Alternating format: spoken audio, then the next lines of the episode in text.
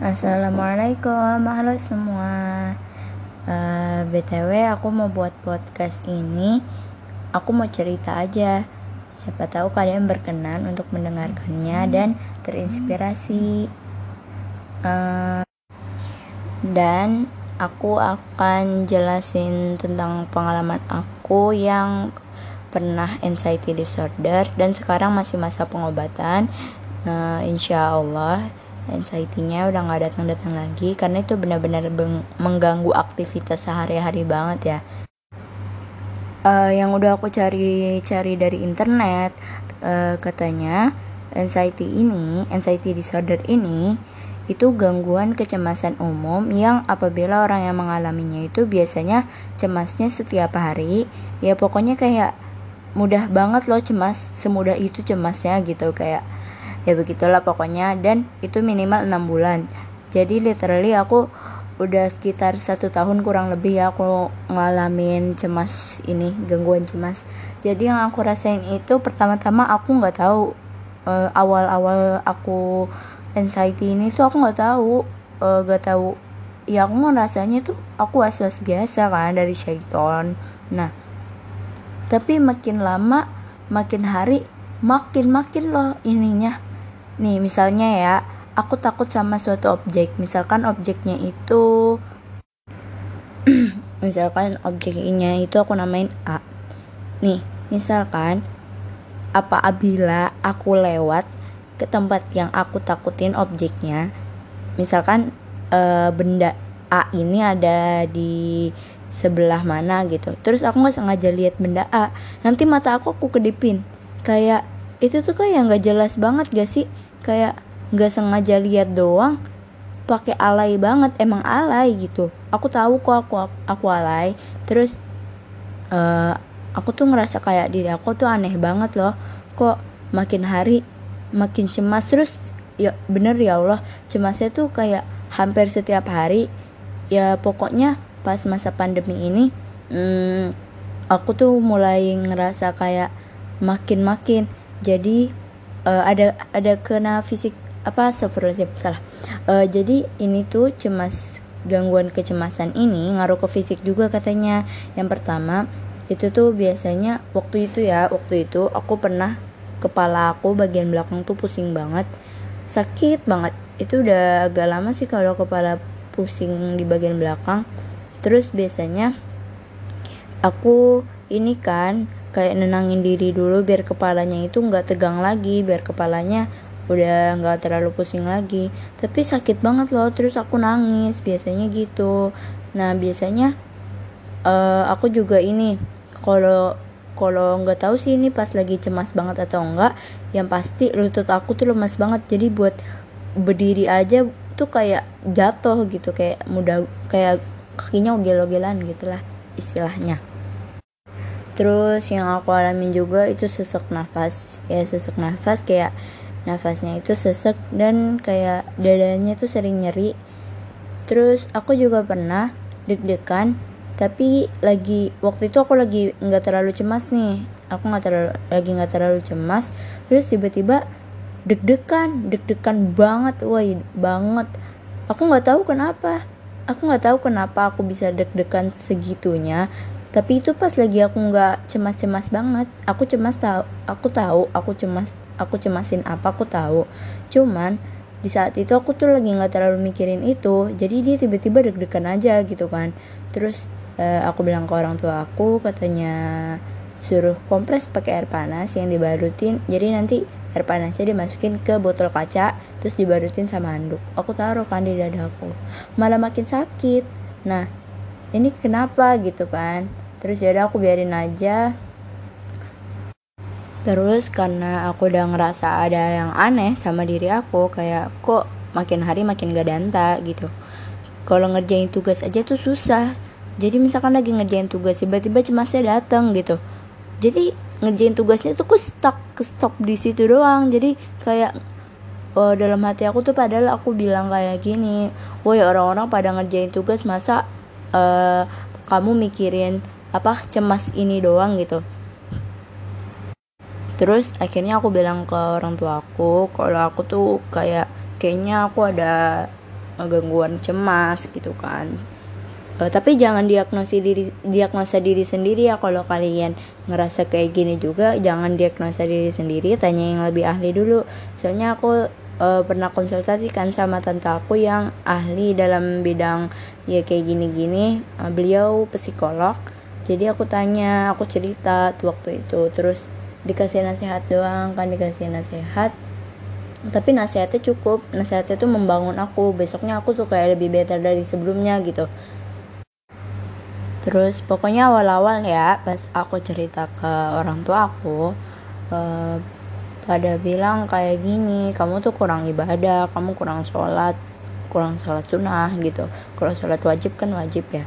Nah terus uh, apa namanya aku tuh di ya guys di jadi uh, apa ya pas malam-malam tuh aku kan nyesek ya sesek sesek nafas nyesek sakit banget gitu sampai kayak ngeronta-ngeronta. Terus mau aku setelin ayat Quran yang tujuannya itu buat rukyah gitu. Terus habis itu aku kayak panas hati aku panas. Nah ini nih yang paling aku penasarin waktu itu kenapa pas disetelin Quran hati, uh, hati aku panas gitu kan. Kayak ada yang salah gitu. Terus sebelum ke psikiater sebenarnya aku juga di rukyah uh, di Rukia ke rumah Rukia kalau nggak salah namanya. Uh, di situ uh, katanya aku nggak ada jinnya. Terus itu cuman stres gitu kan. Soalnya pas di Rukia dibaca-baca itu aku kayak nggak ada reaksi-reaksi gitu cuman ya biasa aja. Nah terus akhirnya uh, kata tante aku uh, bilang ke ayah coba Salma dibawa ke psikiater gitu. Terus akhirnya aku dibawa ke psikiater dan ya udah kan dikasih obat bla bla bla. Nah abis itu uh, aku tuh ngerasa ini. Jadi setiap mau maghrib setiap sekitar jam limaan lah hati aku tuh kayak suka sendu sedih gitu. Kayak nggak nggak jelas gitu loh. Kayak kalau udah mau sore udah mau maghrib nih tiba-tiba suka nangis. Terus kayak deg-degan kayak kayak cemas ya. Pokoknya kan kalau minum obat itu lebih better lah kan lah dari sebelumnya ya. Nah ini tuh juga obatnya tuh membantu aku banget kan. Kayak abis itu aku udah gak terlalu cemas. Tapi kok tiba-tiba minggu selanjutnya kenapa aku ngerasain sakit dada mulu di setiap mau maghrib doang. Di setiap mau maghrib doang akhirnya jeruk ya lagi lah yang kedua kalinya. Dan yang kedua kalinya itu aku sendawa. Insya Allah sih syaitonnya keluar dari sendawa jin-jin yang dolim ini. Dan itu tuh kayak baikan gitu kan.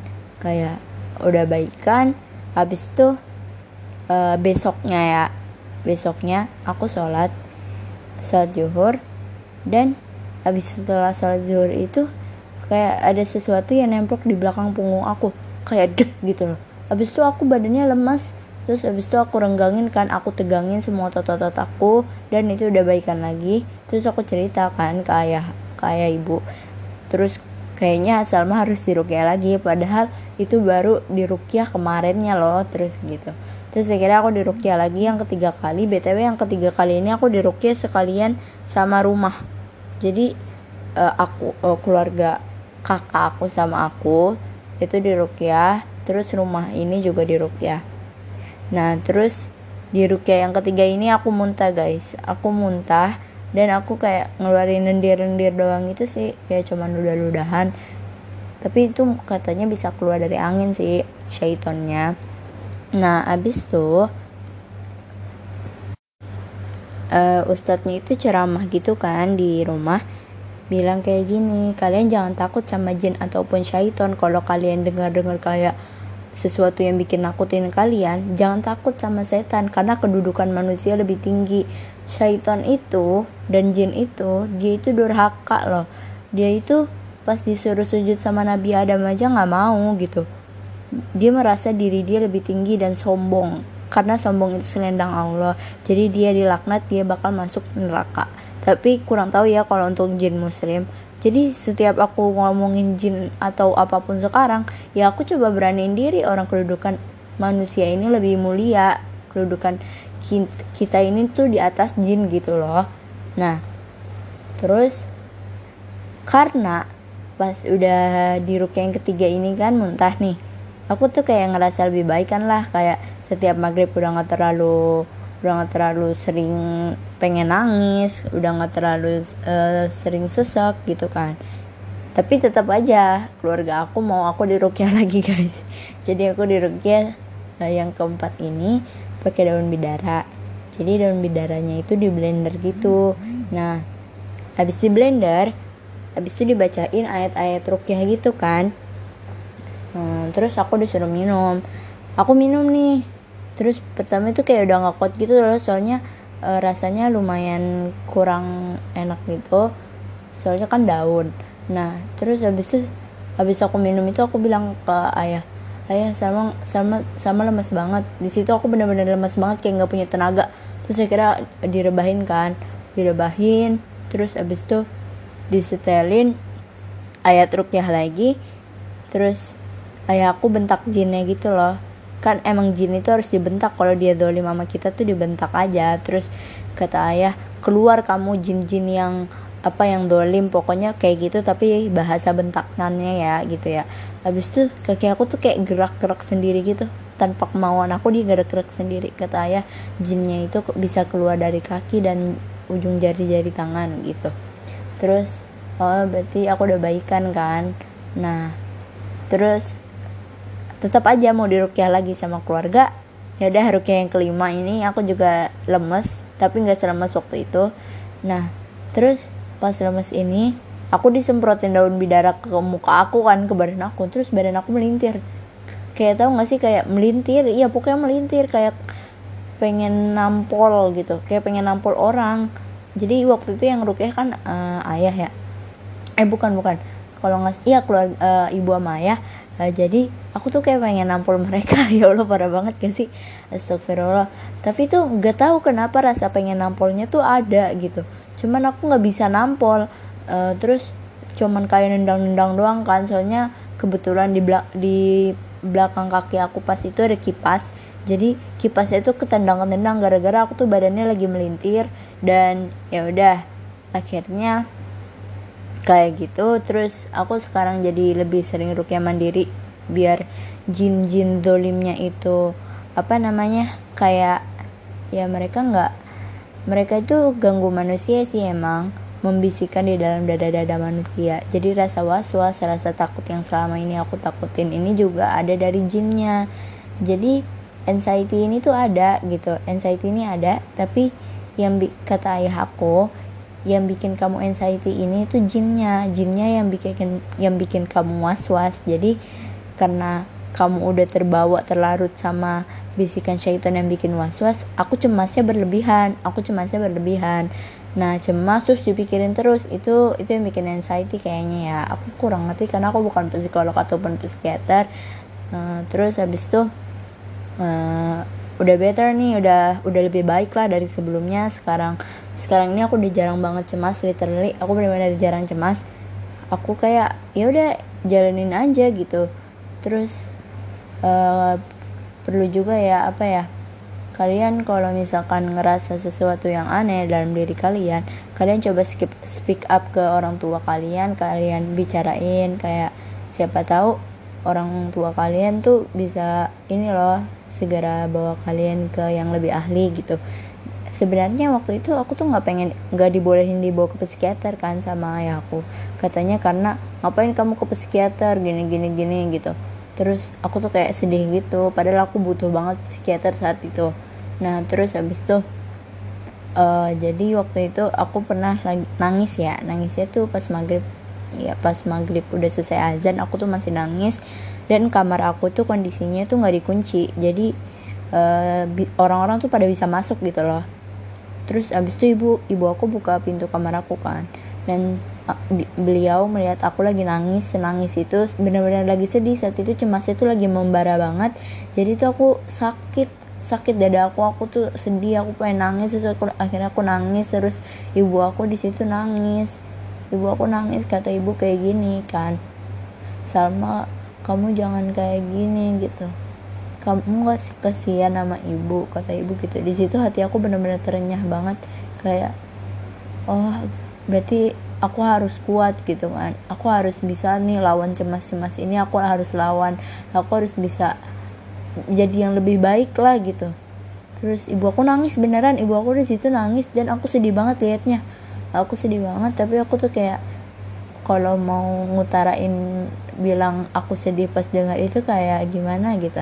Terus akhirnya ya udah ya sekarang lebih baik. Jadi insya Allah ya uh, kita nggak tahu nih uh, karena syaitan itu membisikkan di dalam dada-dada manusia. Nah was-was gitu kan itu syaitan yang buat. Nah anxiety ini juga ada ada penyakitnya tapi yang memunculkan rasa cemas yang memunculkan rasa was-was yang nakut-nakutin kalian itu sebenarnya syaitan ya. Baca-baca aja sering-sering kayak uh, baca Quran gitu Terus ya pokoknya jangan takut sama setan karena kedudukan kita lebih tinggi dari setan. Oke, okay. semoga insya Allah ya bermanfaat ini podcast. Uh, kalian juga bisa terinspirasi atau ada yang aneh di dalam diri kalian, kalian bisa ngomong ke orang tua kalian. Dan ya pokoknya gitu. Assalamualaikum.